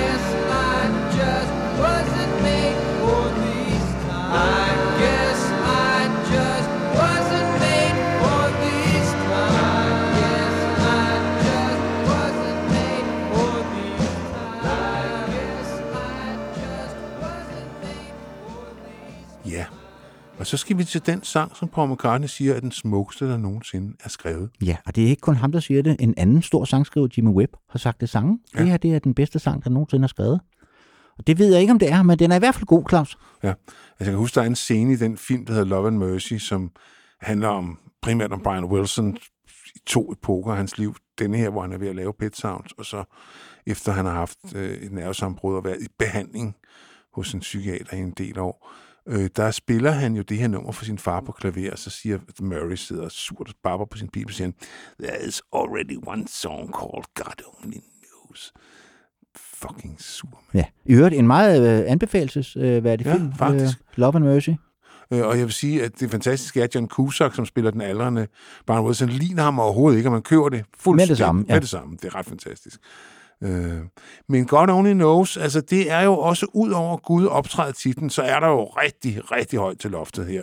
Det er jo lige før, at man bliver, godt kan tale om, at der er en eller anden form for spiritualitet i spil, øh, ikke kun på den her sang, på hele På album. hele albumet Ja, Pet. Sounds. Altså- Som jo i Bjørn, men det må måske også være grund til, at det var sådan svært, og at det var tog mange år, før man fandt ud af, hvor fedt album det her var. De, de har et virkelig uncool cover, Ja. hvor de står som sådan nogle geder i en, en zoologisk have, og hvad det har med noget som helst at det er gøre. pet sounds, altså kæledyr.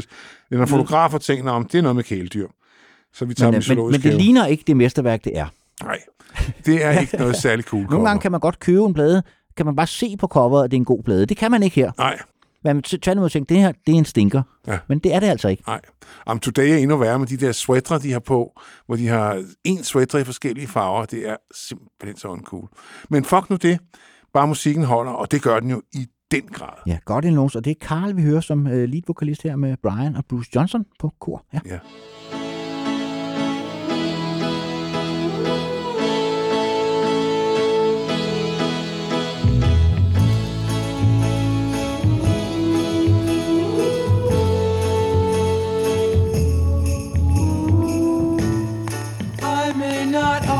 Always love you, but long as there are stars above you, you never need to doubt it. I'll make you so sure about it. God only knows what I'd be without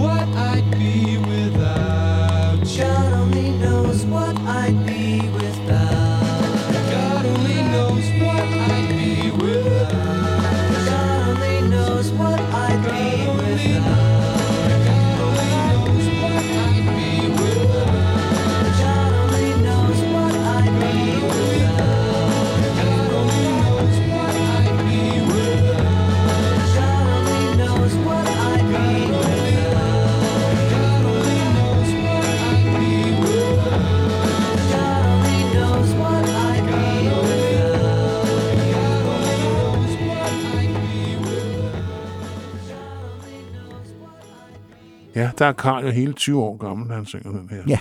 Ret vildt. Kan man godt høre den der tyngde, der er i hans stemme, ikke? og erfaring og så videre. Ja. Hvad hedder Jamen, han det? har, jeg synes, han har den helt rette, usk, altså, den helt rette uskyld til at synge lige præcis. øh, God only knows. Ja. Ja. Nu var du inde på før, og det været inde på flere gange, at han, han jo havde eksperimenteret ret meget med LSD på ja. det her tidspunkt. Og også så meget, så han var også begyndt at se bagsiden af medaljen. Det var måske ikke kun fedt. Og det skriver han faktisk en sang om, Hang on to your ego. Altså man skal ligesom Ja, fordi... holde, holde fast i kernen af sig selv, fordi man kan jo have det, altså hvis man er på LSD hver dag, så, så kan man godt miste overblikket, Claus. Lad os bare sige det sådan. Ja, ikke? lad os bare sige det sådan. Henrik. Men det synes Mike Love især ikke. Vi kan ikke have en sang, der handler om stoffer. Nej, og, og, og, øh, han synes, det var noget røv. Så det har, har, det har han helt sikkert været inde og pille ved teksten, som ender som Men jeg det hed. har han, fordi den, den, Brian han giver sig til sidst. Det er faktisk en, en sang, han har skrevet, ikke sammen med, øh, med, med Asher, men med, med, sin, med, med en roadie, Terry Sasher hedder han, øh, hvad hedder det, som så senere bliver hans chauffør. Det er ham, der har angiveligt er, er, har været tekstforfatter på det her nummer. I hvert fald den oprindelige udgave, Hang On To Ego, som senere er kommet ud øh, ja, ja. og super fedt nummer. og Sådan noget. Men vi har så alligevel valgt at spille den udgave, som havner på hvad hedder det, Pet Sounds, nemlig I Know There's an Answer, som Ja. jo handler om lidt det samme. Han siger det bare lidt mere Ja. øh, Sådan, mellem linjerne. Jude, ja. Ja. Og så får Mike så lov til at synge den sammen med Al, øh, sådan ligesom måske for at få fred i lejren, det ved jeg ikke, men øh, det er i hvert fald... Øh, det er i hvert fald øh, Mike, der får lov til at synge det, selvom det jo er helt klart, at Brians øh, følelser og tanker, det handler om. Så ja, ja, lad os høre I Know There's an Answer.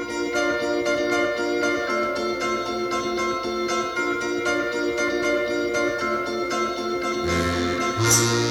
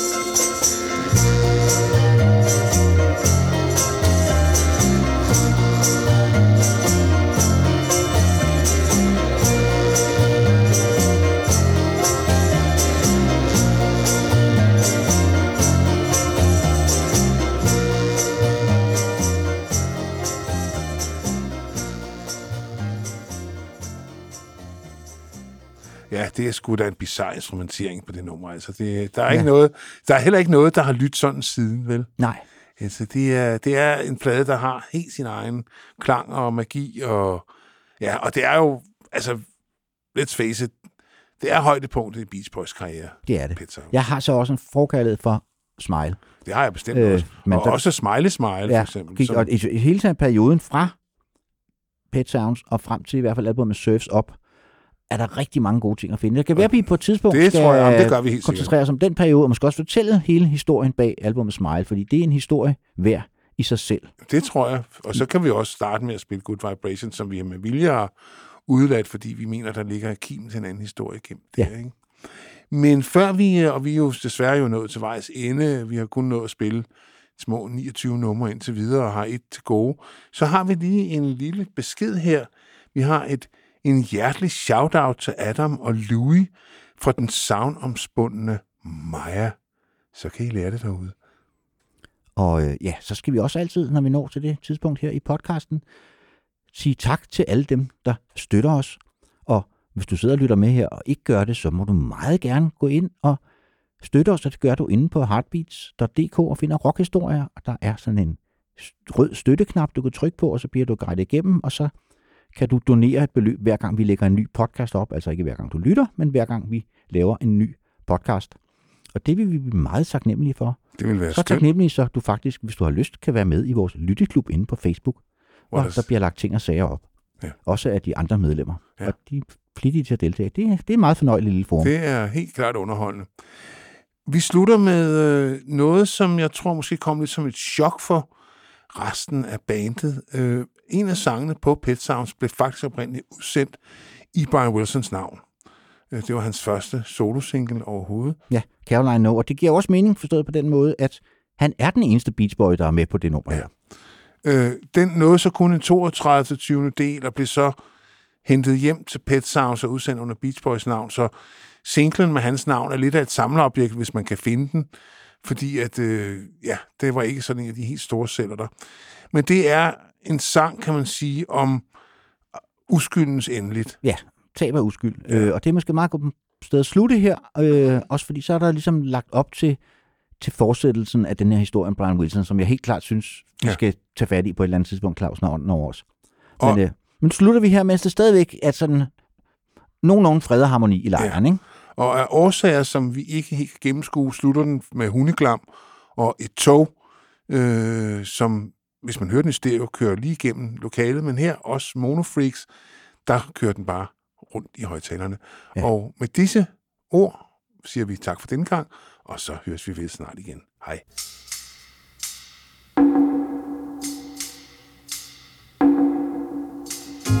Where